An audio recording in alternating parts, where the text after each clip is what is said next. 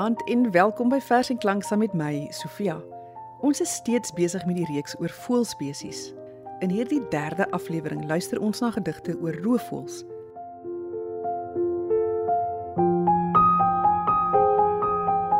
In Suider-Afrika is ons bederf met 'n groot verskeidenheid, van die breekoparend met sy vlerkspan van meer as 2 meter tot die ou dwergvalkie wat skaars 20 cm hoog staan. En dan natuurlik al die spesies tussenin, die uile, die woue, nog arende en valke, singvalke, jakkalsvoëls, naguiltjies. Daar is heelwat van die gespesialiseerde jagters in ons lugruim.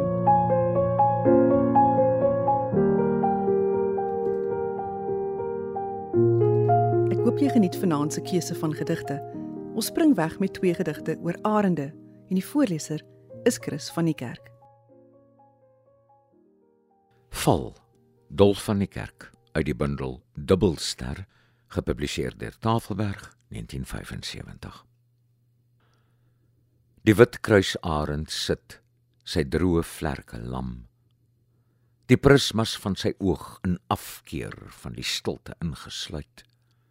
Middag is nag sy snavel stig sy kloue smoor die rots Die witkruisarend los sy gees op in die al van tarantaal en ruim en tuimel met die dood die diepte van sy honger af. Vlerkel deur Inaresou uit 'n onbekende jaartal 1995. Ingetoe sit hy op die hoë rotslys, die arend met die wyd oop oë wat blind lyk, stip starend na niks. Sy rugstring soos 'n kruisboog gebo, bult kort kort tot 'n boggel onder sy Charlie van verslonste vere. Twee pote het hy met nog net sewe tone en hoegenaamd geen hande of vingers nie. Nooit sal hy met 'n potlood woorde op papier kan vorm nie. Maar o, oh, hy het vlerke groot en groftandig soos palmtakke in die trope. En altyd weer kom daar 'n oomblik wanneer hulle donkergrys oopgaan en hom oplig aan sy okselholtes en hom dra. Triomfantelik, sorgsaam bo oor die hoogste pieke van Kibo. NP van Wyk Lou het sy 1942 bundel Gestaltes en diere afgesluit met 'n trilogie getiteld Drie diere wat bestaan uit die Sphinx, die Assiriese bul en dan ook die arend. Hy het dit in die tyd van die Tweede Wêreldoorlog geskryf en elk van die drie verse verklap iets van die oorheersende vrees dat die mens se dierlike gewelddadige instinkte besig is om met al die wreedheid en verwoesting weer die oorhand te kry. Arend In die derde wand het ek gesien 'n bont en skraal arend, waaksaam, met geel oë op sy klip hoog teen 'n krans, daai nek. Die dun kop kaal onder die son en hy roer met elke stip wat onder in die vlakte roer, snel om te val, vol staar en vol geduld en stil, so stil op die vlot van vleuels wat swel van die ligste wind bo 'n land met dood vervuld. Sonder gedagte was die smal wrede kop en van die goue en flikkerlose oog deur die maar nek bo die lang vlerk se knop tot in die klou was alles soos 'n boog gespan. Alleen en ver hou hy sy fees. En waar hy ver is, heers sy wye vrees. Die volgende vers is ook een deur Ina Rousseau uit haar 1970 bundel Taxa. Sy dig oor die jakkalsvoël waarvan ons 'n hele paar inheemse spesies het, maar ook jaarliks besoekers van baie ver kry. Spesies soos die bruin jakkalsvoël en langbeen jakkalsvoël is palearktiese swerwers uit Europa en Suid-Asië wat die mooi weer van Sub-Sahara Afrika kom opsoek. Die jakkalsvoël is terug uit Rusland. Nou staan hy hooghartig op die tak en wanneer ek na hom opkyk, kyk hy aanmatigend af na my vir wie 'n visum geweier is. Ek wil hê Hy moet die Oekraïense russe beskryf en die waterblou lig van wit nagte by die Baikalmeer. Die klankkleur van die Volinka. Sy vlug oor die dun spitstoringpunt van Omsk, Tomsk, Minsk, Smolensk deur sy gesomerlig. Die styl van elke Moskwa brug. Maar sy houding bly stug, onmededeelsam uit die hoogte. Gebaarloos soos twee paaltjies staan die bote. En die bek bly soos 'n vasgeroeste tang geslote. Die aasvoël het nou glad nie die looks van 'n arend nie, maar die groep roofvoëls speel 'n belangrike rol in die ekologie. Hier by ons is 9 verskillende soorte en hulle is maar seldsaam en beperk tot baie spesifieke habitatte. Die meerderheid is boonop bedreig of selfs krities bedreigde spesies. So het S.J. Pretorius oor die voël gedig. Die aasvoël uit Die Mummy en ander verse, Human en Rousseau 1963. Diep in die donker kloof, die drang na vlees wat my oormeester dat ek nader kruip, lomp en lafhartig om ook uit die bees my deel te sluk wat van verrotting druip. Dan op die volle buik in vel veragting van daardie wellus fees die ander drang om op te styg in hemelse verwagting na skoner lug en reiniging van stank so het ek in die onherbergsaam kraans my nes gemaak waar ek die rus vind saans in wat my uitsig bied op die gewemel van diere as 'n voorsorg vir die vlees maar ook vir daardie ander drang die vrees om nie te ver te wees heer van u hemel. Nou iets wat 'n mens nie aldag sien nie is 'n valkenier met 'n jagvalk op die arm valke jag kom al vir eeue aan en hoewel dit nie meer 'n algemene gesig is nie beoefen sommige ou kulture steeds die gebruik Die eens nomadiese Bedouin stamme van Saudi-Arabië is steeds baie verknog aan hulle valke en ding gereeld in kompetisies mee. En in die noordwestelike uithoek van Mongolië, in die provinsie Bayan Ulgi, hou hulle jaarliks die groot goue arendfees. Dan is die verskillende stamme wat in die gebied woon, se eer op die spel. Chris, wil jy nie vir ons daardie een van Ernst van Heerden voorlees nie, asseblief? Jagvalk, uit die bundel Tyd van verhuising uitgegee deur Tafelberg in 1975.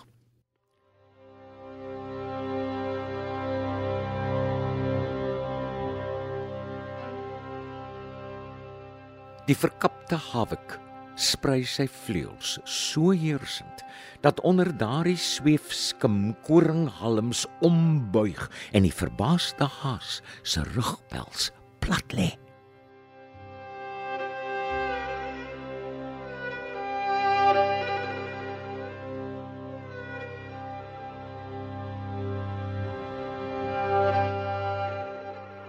sierlik swenk hy gedresseer om met waak oë en gestrekte klou die oneie en bebloede buit voor die beheerder neer te werp op die gestrekte panserarm van sy valkenier terug te keer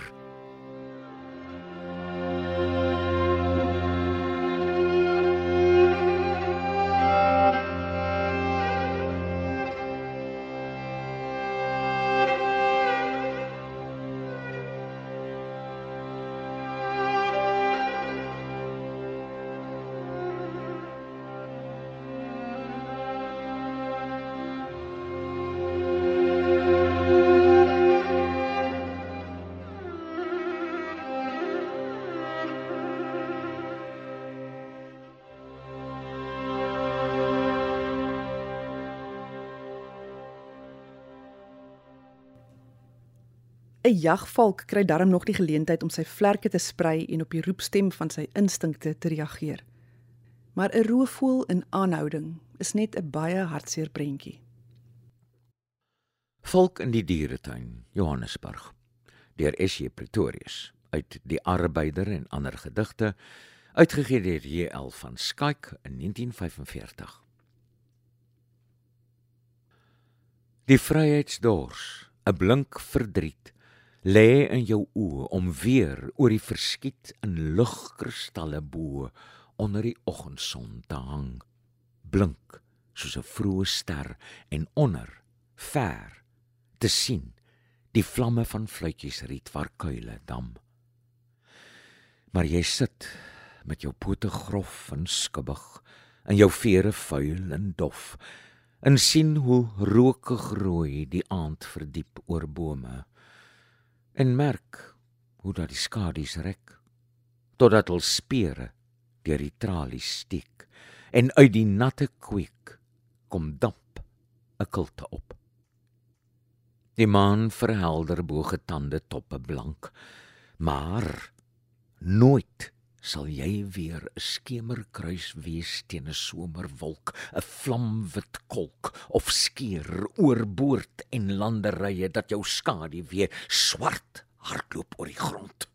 Veel vlugger as 'n hond of wilde bokkie of oor oneindige swaar en songeel rotse wande klim en dan verskiet een streep tot as in die grys graniet die stilte wolk hoog stil teen die blou die groot oogdassies jou sien flikker soos 'n vonk wat kon gespat het uit die môre son.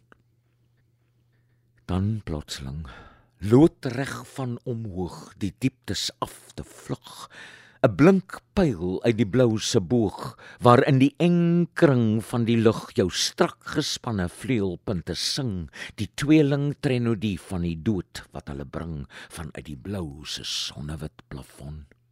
Af af langs die wolke tafereele en stroke loodblou lugpanele snel loodreg deur die warreling van die toeskietende geboomte bosse en veld se vaal deur flikkerings van skadu swart en bleek van lig wat oor die klippers breek.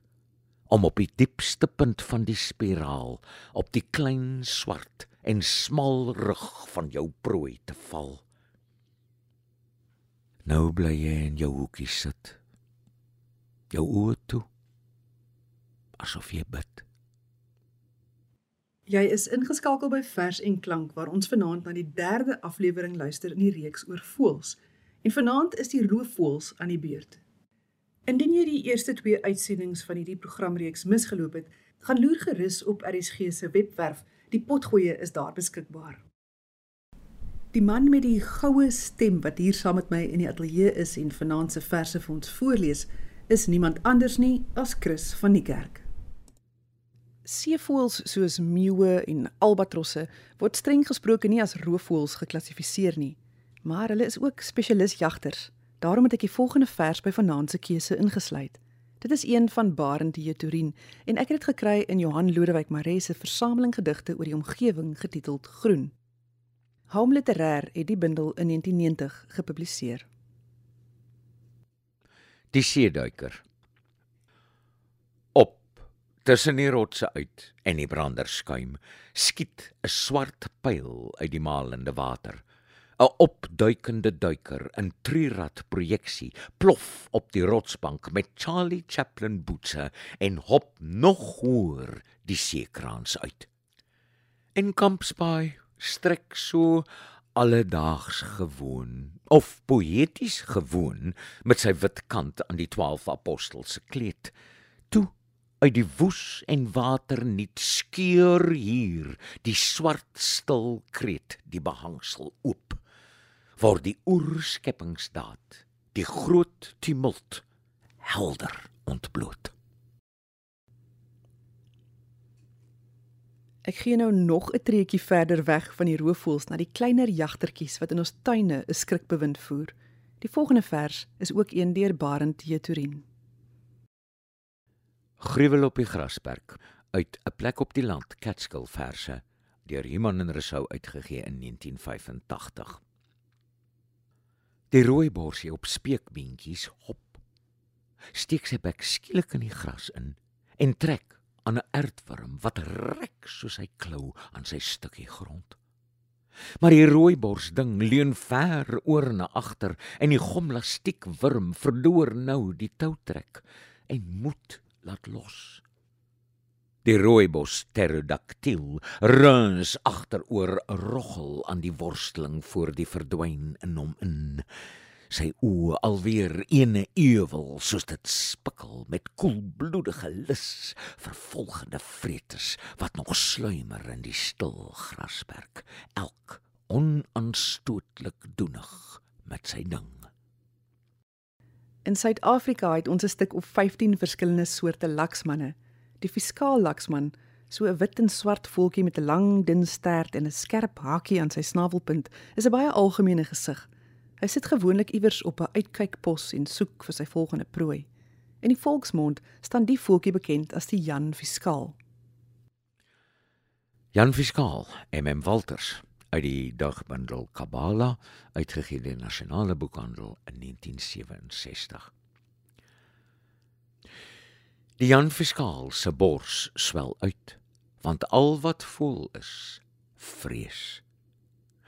Hoe heerlik tog wanneer jou buit jou aansien verleer te wees. Die pikswart stertjie wip, hy knip sy wit minagting op die klip. Jan Fiskaal deur Ernst van Heerden uit sy bundel Tyd van verhuising uitgegee deur Tafelberg in 1975 Hy's vaal swart skynbaar onbenullig maar die krompend snavel en die vee oorwinningsteken op sy rug word deur die kleiner wesens verafskuw en gevrees fooi tog Die nes se klein veerlose mossies het te hard gesaanik in hulle bek verbygepraat en hang nou vasgespijker aan 'n tamaai wit doringkruis. Jan Fiskaal deur Trinkalori uit uitroep Tafelberg 2001. Het jy gehoor? Het jy gehoor? vra Jan Tatterat. Jan Klinkebek, Jan Fiskaal het homself vermoor, vars gevlieg in 'n doringtak, deel van sy eie biltongrak. Dit kom daarvan. Dit kom daarvan. Dit boemerang, dit boemerang om ander voeltjies op te hang. Ek het vanaand se aardigste kaland vir heel laaste gehou. Die marabou is nie 'n roofvoël nie, maar eintlik 'n soort ooievaar. Hy is egter net so 'n bedrewe jagter wat enigiets insluk van muise tot pasgebore krokodilletjies, glo dit of nie. En ek het net gedink 'n geleentheid om die aardige ding met sy massiewe snavel en keelsak en verslonsde ou donskoppie 'n bietjie ligtheid te gee, gaan nie sommer gou weer opduik nie. Chris sluit vanaand se program af met 'n gedig deur Ina Rousseau uit haar bundel Kwiksilwer Sirkel in 1978 uitgegee deur Iman en Rousseau. Ek groet tot volgende week. Die marabou. Onderskat nie die mag van die marabou nie, soos hy verskyn teen die middaglig in sy verskriklike toga. Die skouerbande van sy kap skitterend so skuim, sy oë skerp asof hy straks tot 'n plegtigheid sy intog moet maak. Om daar 'n rector magnificus te gaan oorskadu 70 lede van 'n senaat, insluitende 7 dekane van fakulteite, 49 lede van 'n raad en 500 promovendi. O, oh, die mag van die marabou. Hy dra sy vere toga soos 'n paus se kleed. Hy dra in hom 'n kosmos waarvan jy en ek niks weet wat jy en ek mag proe, maar wat ons nie kan eet, verorber hy met groot gemak soos grittepap. Jy en ek dink stellig ons kan leer om eendag so te absorbeer, maar moenie glo slegs hy sal ooit weet hoe. Onderskat nie die mag nie van die marabou.